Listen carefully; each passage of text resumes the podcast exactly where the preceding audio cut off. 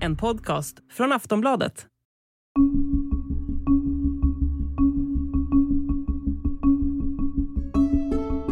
–1986 dömdes 15-årige Samir för ett mord som han inte hade begått.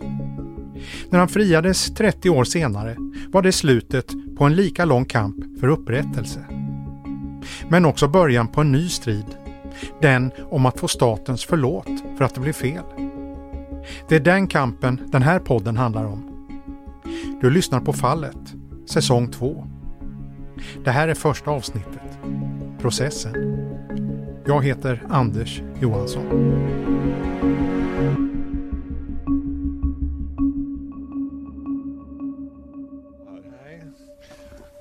Hallå killar, har ni Samir där? Har vi kommit fel? Då får vi åka tillbaka. Ja. ja precis, han jobbar här inne alltså. På... Det här avsnittet börjar en kall Lucia-morgon 2016. Vi har kört några mil på vintriga vägar i Uppland och kommer fram till det röda huset med vita knutar långt in i skogen.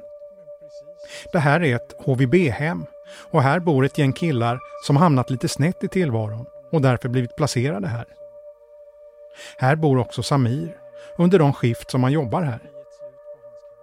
Med sig själv som ett levande exempel på att det går att ta sig ur en destruktiv livssituation är han nu en positiv förebild för ungdomarna. Just den här dagen ska han få ett besked som han drömt om i 30 år. Att han blivit frikänd för ett mord han dömdes för som 15-åring och som han satt inlåst för i nära två år på mentalsjukhus. Han blev oskyldigt dömd för att ha knivmördat sin styvmamma 1986 och har sedan dess kämpat för upprättelse. Stockholms tingsrätt meddelade den friande domen Luciadagen 2016. Aftonbladet var på plats och filmade när jag gav Samir beskedet. Jag hade med mig domen i handen. Samir! Du är fri! Du är fri!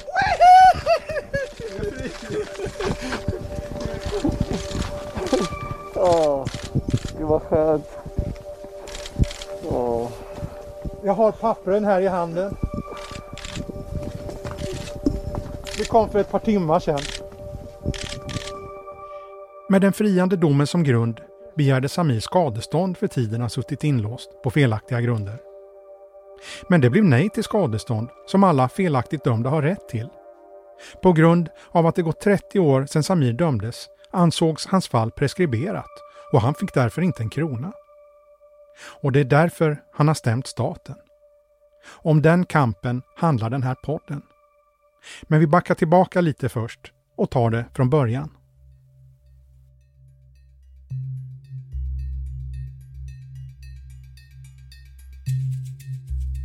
Målet var att hitta ett svar.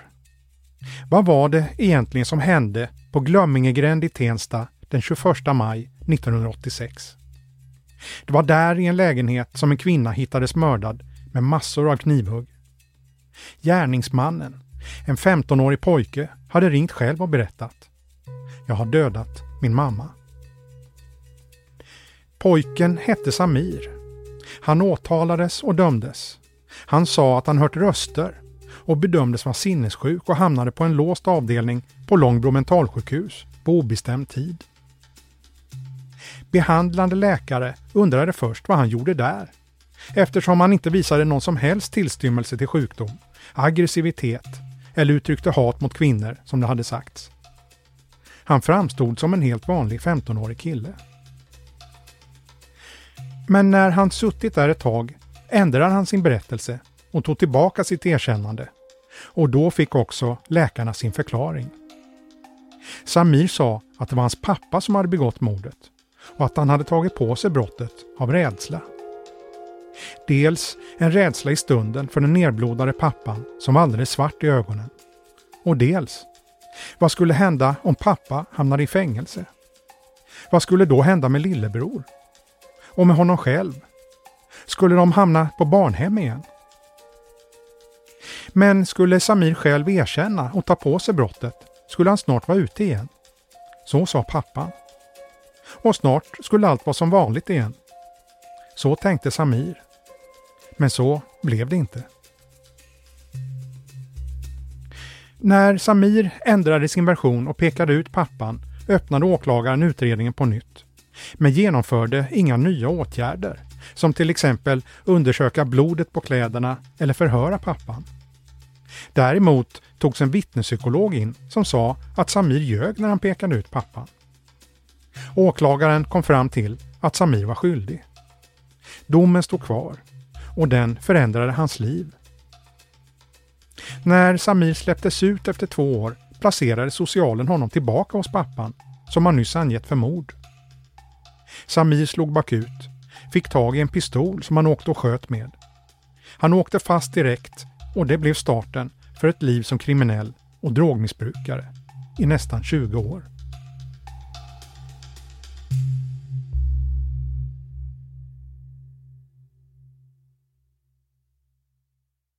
År 2015 kom Samir till mig, nära 30 år efter mordet, och sa att han blivit oskyldigt dömd.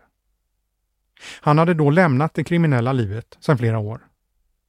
Hans advokat, Sargon Di Basso, hade tidigare kontaktat mig och berättat om fallet. Advokaten hade hört talas om det hemma vid köksbordet när han var liten. Bådas familjer har syriansk bakgrund och syrianska kretsar var det här något av en urban legend som han uttryckte det.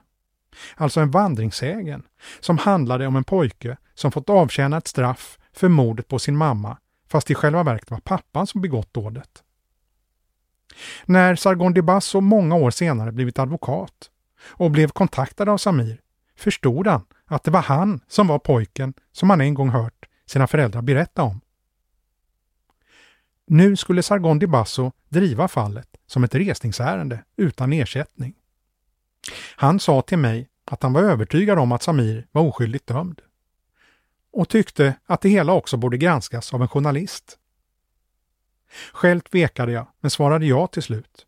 Och tänkte att i alla fall kunde försöka med den önskan Samir hade. Ta del av allt material och bilda mig en egen uppfattning. Jag gjorde det. Men i bakhuvudet hade jag hela tiden det Samir sagt från början. Jag säger inte att du ska lita på mig. Absolut inte. Utan jag säger till dig att eh, ta reda på all material. Ta reda på all fakta. Allting runt omkring som har, har med det här mordet att göra. Och sen får du bilda din egen uppfattning. Och eh, ja, vem vet. Kanske är jag som är mördaren. Kanske ljuger för dig.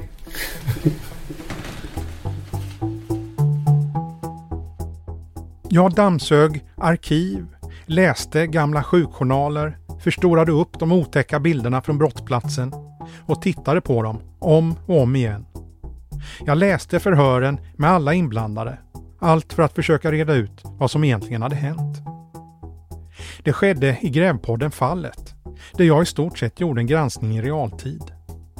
I ett av de första avsnitten besökte vi mordplatsen på nytt, tillsammans med Samir. Första och sen trappa ett bodde vi. Just det. Under arbetets gång fick jag hjälp av pensionerade kriminalteknikern Sonny Björk att hitta det nerblodade bevismaterialet som alla trodde var slängt. Kniven, de nerblodade kläderna, alla lakan och blodiga handdukar. Allt låg kvar i en låda nere i källaren i polishuset i Stockholm, i mordrummet. Sonny Björk menade att bevisningen gav fler frågor än svar.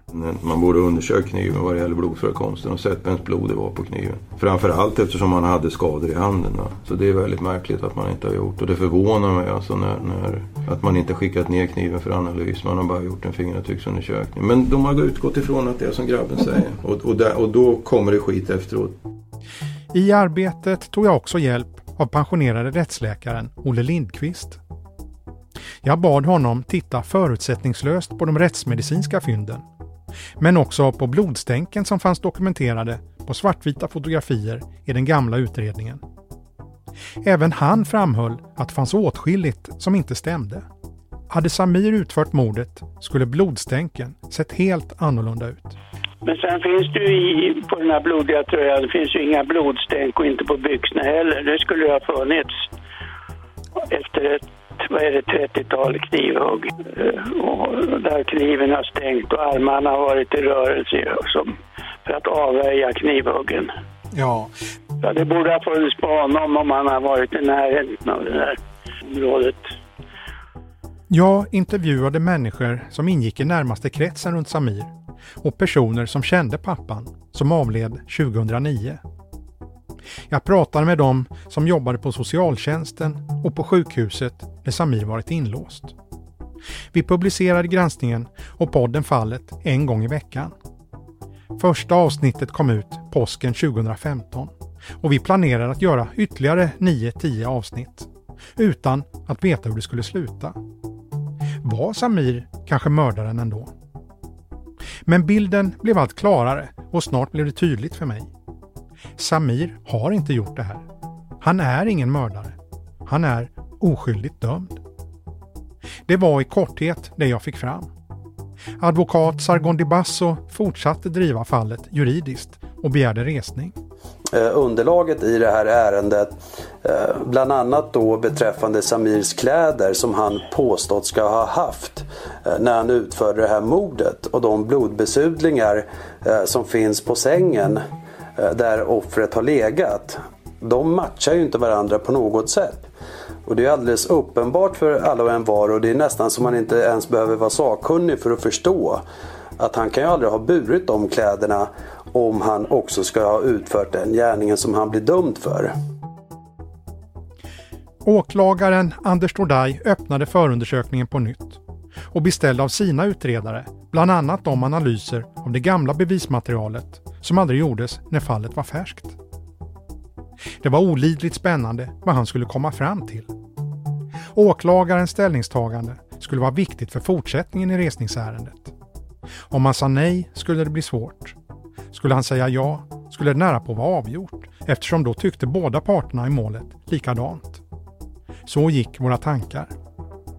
I december 2015 kom så beskedet. Vi direktsände på Aftonbladets webb-tv. Vi befann oss vid HVB-hemmet där Samir jobbade. Ska du läsa för mig? Jag ska... Nej, jag vill inte läsa. Vad står det? Jag Nej. Vad står det? Jag tillstyrker att hovrätten beviljar resning. Oh my God. Rättsmaskineriets kvarnar fortsatte mala. Eftersom domen i Stockholms tingsrätt aldrig var överklagad var det nu Svea hovrätt som skulle besluta om nästa steg. Och det beskedet kom fyra månader senare, i april 2016. Ärendet bedömdes vara en så stor nyhet att det också blev ett av inslagen i Aktuellt i Sveriges Television. Och så Sverige. Samir Sabri som för 30 år sedan dömdes för mord beviljades idag resning av Svea hovrätt. Det betyder att han nu antingen kan frias direkt eller så prövas fallet i en ny rättegång. Svea hovrätt beviljade alltså resning i målet och det gick åter till tingsrätten och en åklagare. En ny åklagare kom fram till att åtalet mot Samir skulle läggas ner och sen var det egentligen bara en formalitet med den friande domen som jag lämnade till Samir den här Lucia-dagen 2016. Samir fick till slut vad han önskat och kämpat för i 30 år. Han blev frikänd och fick upprättelse. Men någonting saknades. Ersättningen från staten. Det man gör regelmässigt eh, när någon har suttit frihetsberövad och blir frikänd. Det är att man begär ersättning från justitiekanslern som det heter.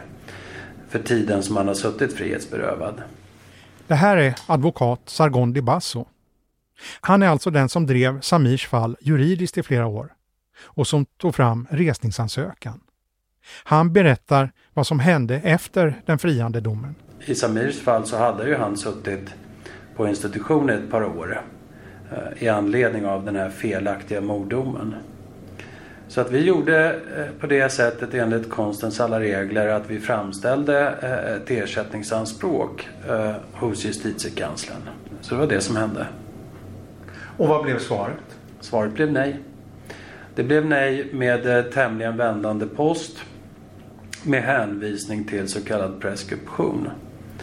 Eh, och då menar justitiekanslern att eh, Samir har framställt yrkandet efter det att det här anspråket är preskriberat. Och preskriberat blir en fordran kan man säga i svensk rätt efter tio år. Va?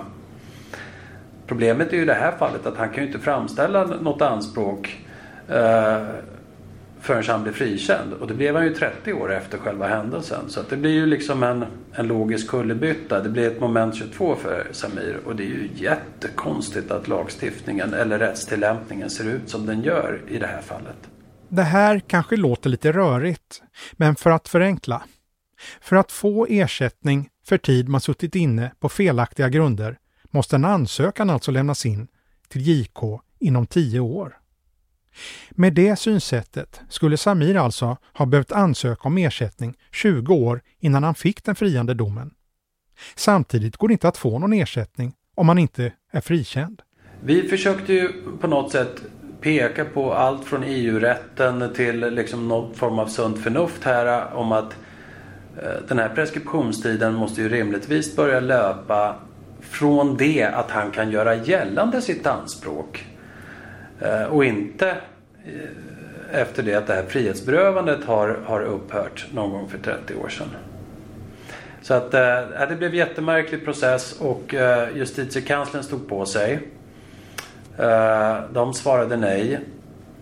Men sen så har JK varit inne lite på tidigare att, att Samir själv har vållat sig den här skadan. Att han får skylla sig själv för att han erkände. Mm. Eh, och, och, och, och, vad säger hur, vad tycker du om det? Det finns visst fog för den uppfattningen. Eh, generellt. Inte i fallet med Samir. Varför inte? För att i, i Samirs fall så har du att göra med en 15-årig grabb. Som mer eller mindre under dödshot av en förälder, en närstående som han är i beroendeställning till. Eh, tvingas till eller förmås att komma med det här erkännandet. Va? Och det fanns så mycket spår om, att om den här utredningen hade gjorts ordentligt, va, då hade man kunnat syna det falska erkännandet. Och sen var det också så att Samir tämligen omedelbart efter domen faktiskt berättade som det var. Och där kunde man läka så att säga problemet. Så att det, det, omständigheterna är sådana att den där, om vi kallar det för jämkningsgrunden, det vill säga att staten tycker att Samir borde få, få, få, lägre ersättning än en annan person eftersom att han erkände. Den tycker inte jag gör sig särskilt stark i fallet med Samir. Säkert i något annat fall så kan det vara på det sättet. Men jag tycker inte i fallet med Samir givet förutsättningarna.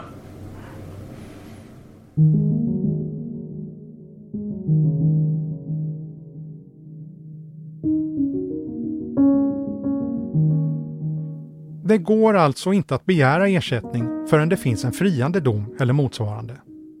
Det fick Samir efter 30 år. Men då hade hans rätt att begära ersättning varit preskriberad i 20 år. Preskriptionstiden på 10 år börjar räknas från dagen då skadan börjar inträffa. Första dagen på det felaktiga frihetsberövandet. Inte från den dagen då den friande domen kom.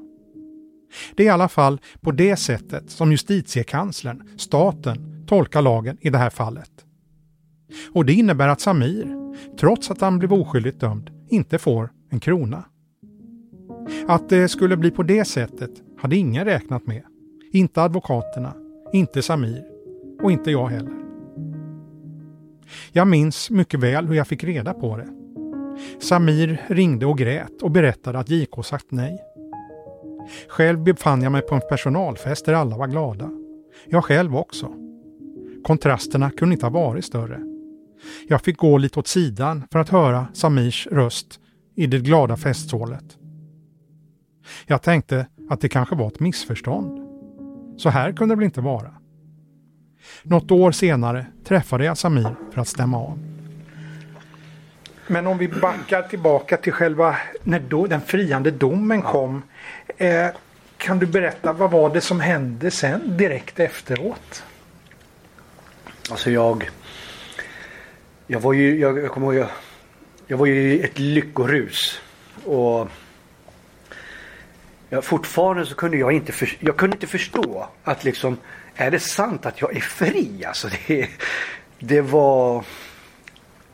Ja, det tog mig väldigt lång tid tills jag kunde landa i det där. För jag njöt och njöt. Och jag, och jag fick, jag fick glädjekramar var jag än gick. Det kommer jag ihåg.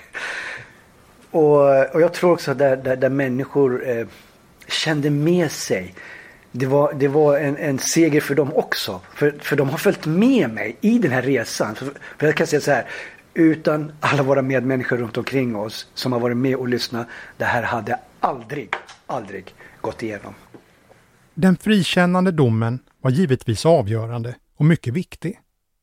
Men det fanns ett smolk i glädjebägaren som började kännas efter ett tag när det första lyckoruset hade lagt sig.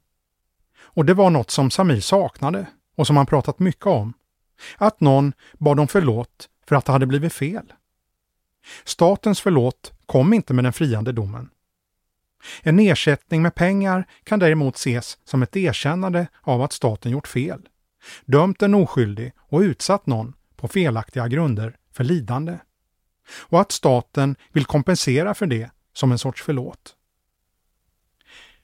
Eftersom Samirs i stort sett hela vuxna liv blivit påverkat av den felaktiga domen är det nästan omöjligt att sätta en prislapp på allt som har hänt. Under 20 år levde han ett kriminellt liv, begick rån bland annat och åkte in och ut på fängelser och dövade samvetet med droger. Hade han aldrig dömts för mordet hade livet kanske sett helt annorlunda ut. Sådana tankar började komma upp hos honom. Eh, alltså i, innan jag blev frikänd, eh, jag fick min upprättelse. Jag hade ju ingen tanke det här med skadestånd och sånt där. Jag vet vänner till mig sa Åh Samir du kommer bli mångmiljonär och hit och dit. Och jag bara, men lyssna. Jag pratar inte om miljoner och hit och dit. Jag vill ha rätt. Det är min, det är min första steg. Och, men sen när jag fick rätt också, jag fick min upprättelse. Så kändes sen efteråt, det är någonting som fattas. Alltså det, det det, det var någonting. Alltså. Jag reagerade. Jag kommer att jag, om jag ringde upp till dig och sa nu måste vi göra någonting här. Eh, och Det ska inte vara så här lätt att bara, bara ge ett papper och sen är det klart. Eh, och sen fick jag ju nej från JK. Justitiekansler. Ja, justitiekansler. Eh, det är någon myndighet som, ja, där man ska då kräva. Eh, de sa nej Eh, jag blev ledsen. Eh, återigen så handlar inte det om pengar just då utan när de sa nej då blev det som att de förnekade eh, att de har gjort fel och jag vill ha rättelse. Fick jag, det fick jag med papper men inte fullt ut. Och det är där jag tror det här. Sen om de ger mig 50 000, 100 000, 1 miljon, 3 miljoner, 5 miljoner. Det vet inte jag. Men det, det där är deras sätt att säga vi har gjort fel. Varsågod. Och det har inte jag fått. Ja, vad skulle du göra om du fick pengar? Och, för det första ska jag betala av mina skulder. Du har skulder? Jag har skulder, ja. Eh, det, det, är också det här med att eh, det kommer saker och ting när, under kriminalitetens gång. Eh, och eh, sen eh, har man, jag har lånat pengar för att också överleva. Nu nyligen? Nyligen ja också. Eh, och det är inte lätt att överleva saker och ting som man har varit med om och gått igenom. Eh, och det är det första jag gör. Jag kommer betala alla skulderna och eh, därefter så blir det en slant kvar så vet jag ju vad jag vill hålla på med. Och det är det jag gör idag. Det är att stödboende, eh, HVB-hem, eh, jobba med människor där de kan komma till oss och eh, få, få en riktig eh, behandling där de också kan få hjälp med att gå vidare i sitt liv.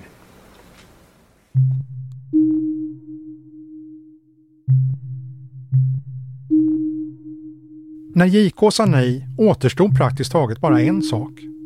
Att vädja om ersättning av nåd hos regeringen en begäran enligt vad som formellt kallas ex gratia. Något som sker ytterst sällan. Kanske gjordes en begäran dit mera som en chansning än en verklig förhoppning. I vart fall blev det nej även här. Beslutet från regeringskansliet kom den 9 maj 2018. Ärendets bakgrund beskrivs i några få meningar. Som skäl för sitt anspråk har han i huvudsak anfört följande.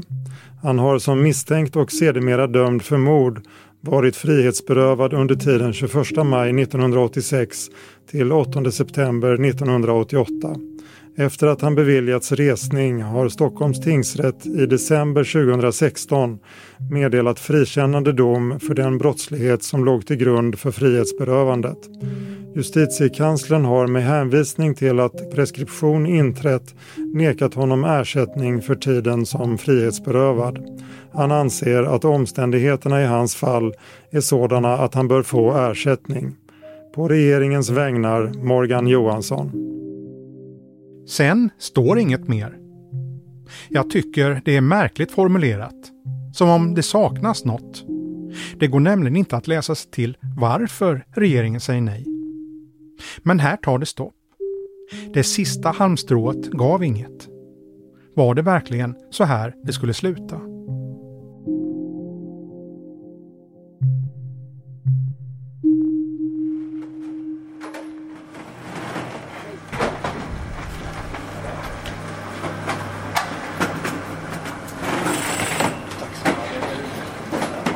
Klarade säkerhetskontrollen? Ja.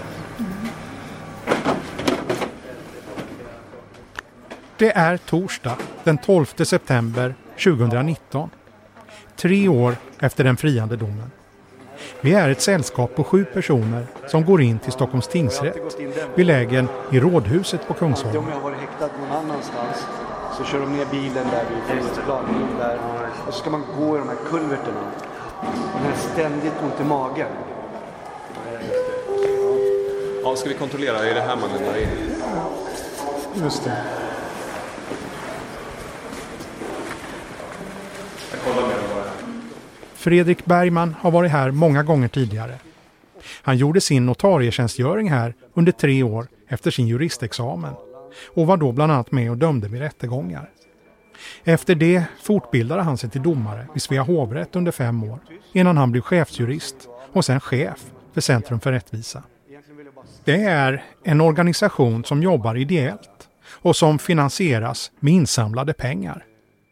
De åtar sig att hjälpa enskilda att driva rättsfall utan att ta betalt. De tar sig an viktiga principfall som rör en rättsligt skyddad fri eller rättighet som kan bli prejudikat. Som i sin tur stärker rättssäkerheten och ger fler människor upprättelse. De har drivit processer mot stat, kommun, fack och arbetsgivare och har vunnit en rad fall i de högsta instanserna i Sverige och Europa, varav tio i Högsta domstolen. De tycker att Samirs fall är ett sådant viktigt principfall att de bestämt sig för att hjälpa honom. Det är långt ifrån första gången de stämmer staten. Fredrik Bergman berättar. Nej, det har vi gjort många gånger i många fall. Vi har drivit ungefär 250 fall sedan vi eh, startade 2002. Så att eh, vi är vana att vara i rättegång med staten på andra sidan. Det är alltså ett team erfarna jurister som nu tar över stafettpinnen i Samirs kamp för, ja, rättvisa. Ett förlåt för att staten utsatte honom för lidande på felaktiga grunder när han var 15 år. Fredrik Bergman förklarar varför de vill driva Samirs fall. Ja, det som är det principiellt intressanta i det här fallet det är ju att Samir Sabri dömdes då, när han fortfarande var ett barn, oskyldig för mord. Väldigt lång tid går, 30 år går innan han slutligen frikänns. Och det normala när en person har felaktigt dömts och varit frihetsberövad är att man ska få ersättning. Men här kommer då en annan princip in som staten har hänvisat till, nämligen att som utgångspunkt kan man inte få skadestånd för händelser som ligger mer än tio år tillbaks i tiden. Och här ser man då att det blir två principer, viktiga principer som står emot varandra. Hur ska man göra den här avvägningen? Eh, och vi tycker att det är väldigt tydligt att det rättsstatliga intresset av att en felaktigt dömd ska kunna få ersättning väger tyngre än statens intresse av att inte behöva ta ansvar. ansvar. Men lagboken är inte klar här, det finns inget tydligt besked och det är därför som vi tycker att det är viktigt att få ett rättsligt avgörande i den frågan. Samir har också varit här i tingsrätten flera gånger tidigare. Han ser nu samlad ut, men inombords är det annat. Det rör, rör, rör sig runt i min mage. Jag har ont i magen. Eh, jag är glad, lycklig, rädd. Jag tänker, vad är man rädd för? Det är någon slags... Det är som jag sa tidigare, nu ska man ruska om den stora björnen. Nu ska jag gå och säga, ni har gjort fel. Och många gånger är man rädd som den lilla människan att göra det. Eh, men jag är inte ensam. Jag har, jag har hela befolkningen bakom mig och jag känner kraften och energin bakom mig så att eh, jag är inte ensam. Juristerna vid Centrum för rättvisa har sökt fram egna kopior på alla de gamla handlingarna en gång till från arkiven för att vara säkra på att inte missa något. De har jobbat flera månader inför den här dagen. De har dissekerat fram de största felen som de anser att myndigheterna har begått och har formulerat de juridiska argumenten. Och de har tagit fram ett underlag för att stämma staten. En lunta med papper, kanske en decimeter tjock. Det är ett laddat ögonblick och lite overkligt. Allt ska lämnas in vid receptionen och registreras. Vi går fram till luckan som öppnas upp. Hej, vi skulle vilja ansöka om stämning mot staten. Ja. Kan ni lämna? Varsågod. Rickard Samuelsson, senior jurist vid Centrum för rättvisa, betalar för stämningen med kort och tar hand om kvittot. Ja. Vi tar gärna en kopia. Sen tänkte vi betala också. Ja. Det kan vi inte sitta över. Betala, betala. På andra sidan glaset läggs luntan på ett bord i en prydlig hög. Det var för klent. På någon minut är det klart. Samir har stämt staten.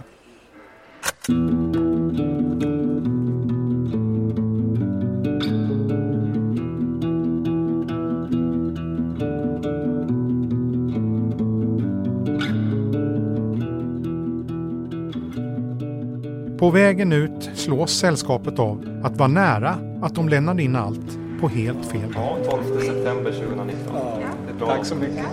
Ja, dagen innan Ja, jag kom på det sen. Jag tror att vi inte valde imorgon. Det är Eller ju hur? dåligt. Ja, det är torsdag den 12.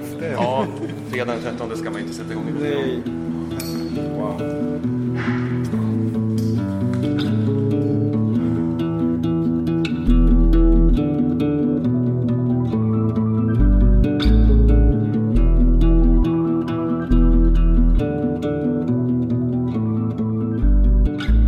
Du har lyssnat på ett avsnitt av podden Fallet, säsong 2.